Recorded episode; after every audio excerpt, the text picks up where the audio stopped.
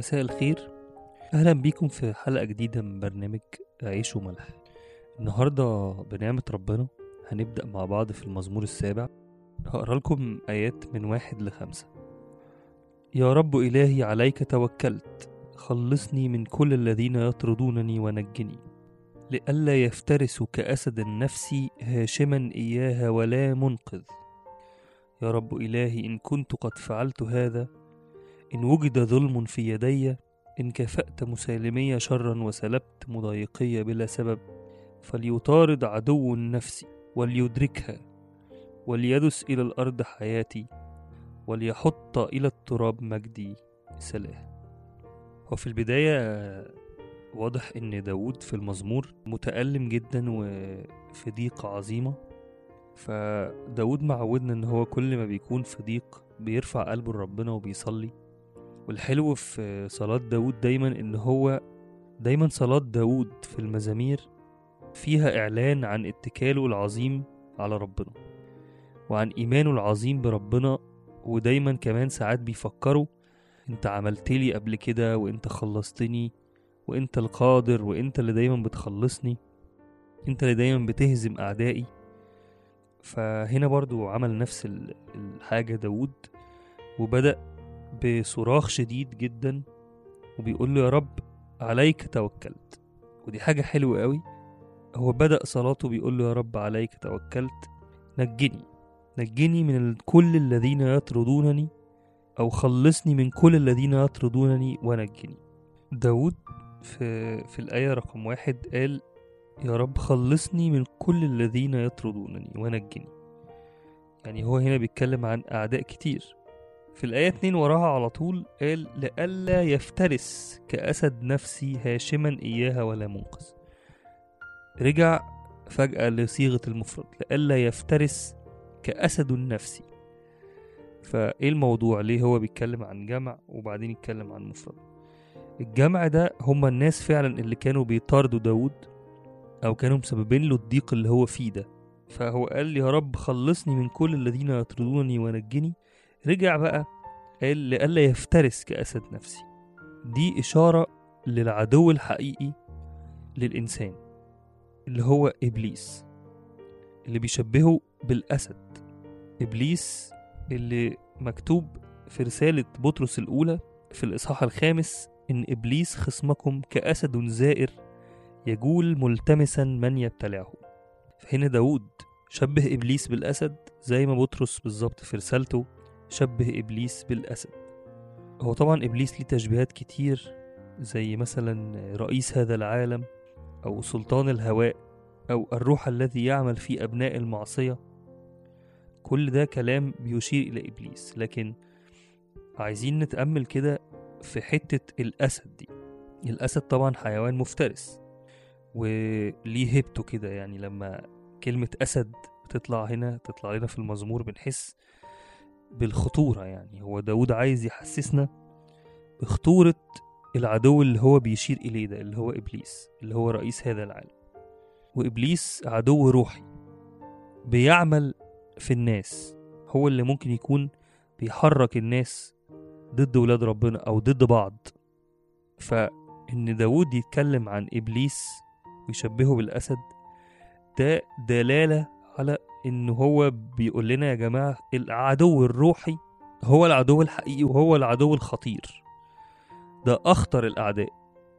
يعني لما يتكلم عنه هنا بصيغة المفرد أكنه بيقول لنا في واحد بس هو اللي ممكن يفترس كأسد نفسي هاشما إياه. هاشما يعني اللي بيهشم حاجة ده يعني بيدمرها بيكسرها على الآخر بينسفها. فكون إن داود يتكلم بيقول لربنا خلصني من الذين يطاردونني يعني خلصني من اللي ماشيين ورايا دول لكن نجني علشان الأسد ما يفترسش نفسي. يعني خلصني من الضيق اللي أنا فيه علشان نفسي من كتر اضطرابها أو ضيقها أو ألمها في واحد ممكن يهشمها ويدمرها. الواحد ده هو إبليس. فناخد بالنا إن الموضوع هنا داود بيوضحه لنا وبيوري لنا مدى جدية أو مدى خطورة التعامل مع إبليس. زي ما بطرس في الرسالة قال كأسد زائر أسد زائر يعني في حالة آه، ثورة كده أو في حالة زئير يعني جعان متعطش يجول ملتمسا من يبتلعه. شوف آية خطيرة جدا. يعني إبليس ده واقف في كل دقيقة من حياة الإنسان أو من حياته هو يعني بيشوف واحد يبلعه بيشوف واحد يهلكه. وهنا كمان داود بيقول لئلا يفترس كأسد نفسي هاشما إياها ولا منقذ. يعني لو نفسي هلكت روحيا هي دي النهاية هو ده الموت الحقيقي ولا منقذ. فهو بيترجى ربنا وبيقول له يا رب انقذني علشان إبليس ما يهلكش نفسي. وساعتها مش هيبقى فيه أي إنقاذ ولا أي فرصة ولا أي نجاة ليا.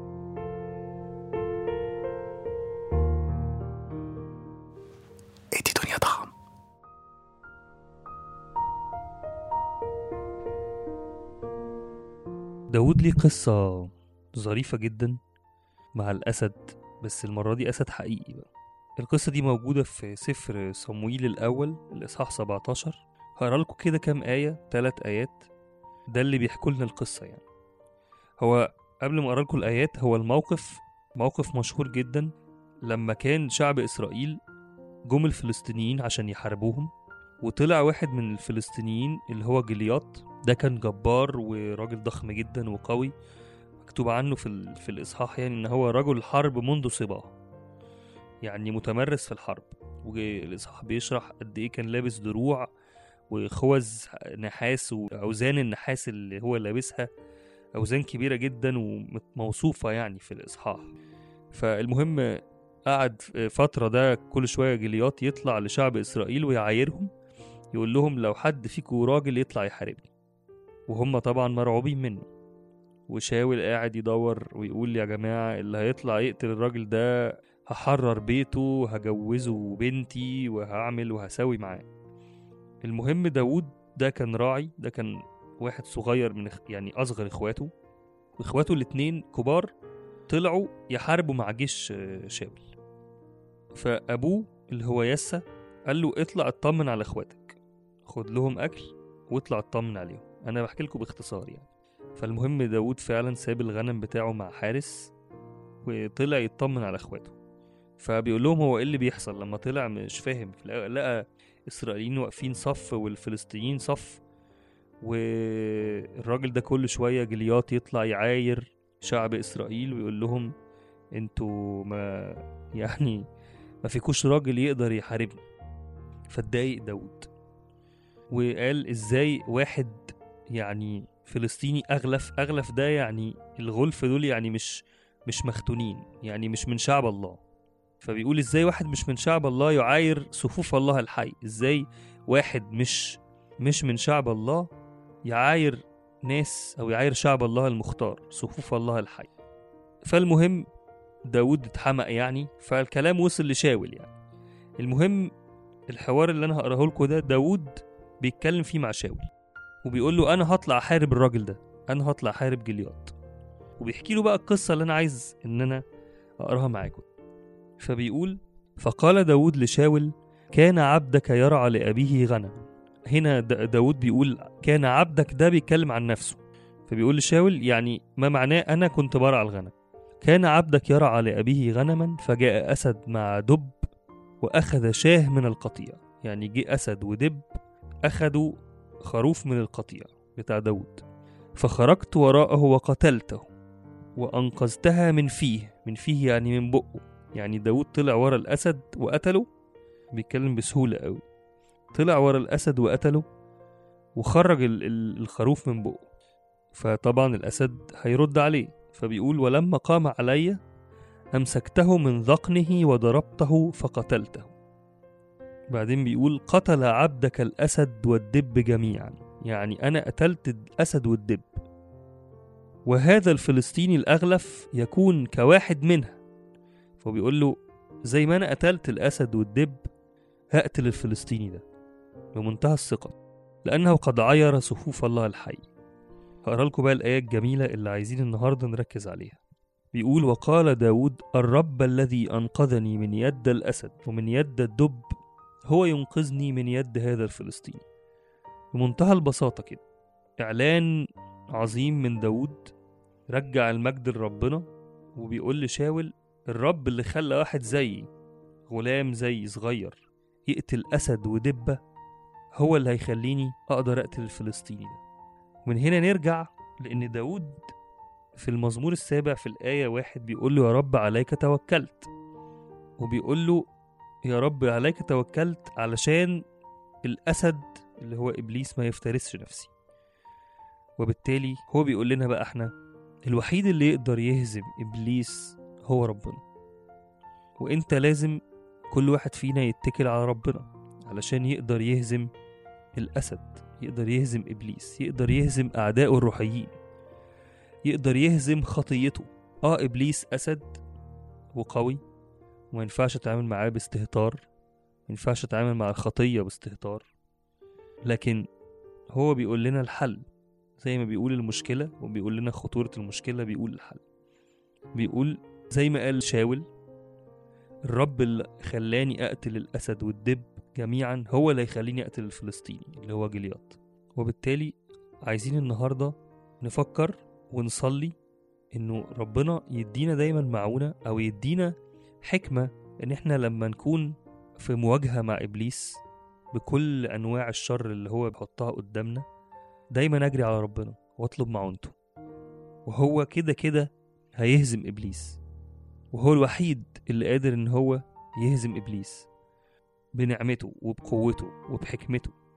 مش بحكمتي ولا بقوتي ولا بأي حاجة فيا ولا بأي شيء صالح فيا أقدر إن أنا أهزم الخطية اللي جوايا أو أهزم الشر اللي في العالم. لكن بنعمة ربنا وحدها يكون إبليس مهزوم.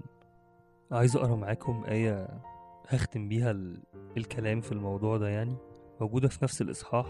من سفر صمويل الأول الإصحاح رقم 17 آية رقم 45 قالها داود لجلياط قال له أنت تأتي إلي بسيف وبرمح وبترس وأنا آتي إليك باسم رب الجنود إله صفوف إسرائيل الذين عيرتهم.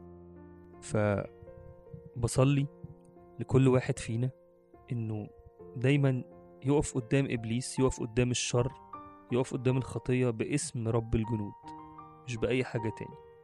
وباسم رب الجنود وبنعمة رب الجنود هو ده الحل الوحيد لأن إبليس يكون مهزوم.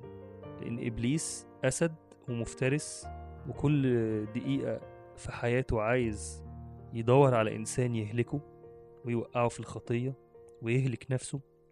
لكن زي ما داود هزم جلياط زي ما قتل الأسد والدب زي ما صلى لربنا وقال له يا رب عليك توكلت علشان إبليس ما يهلكنيش.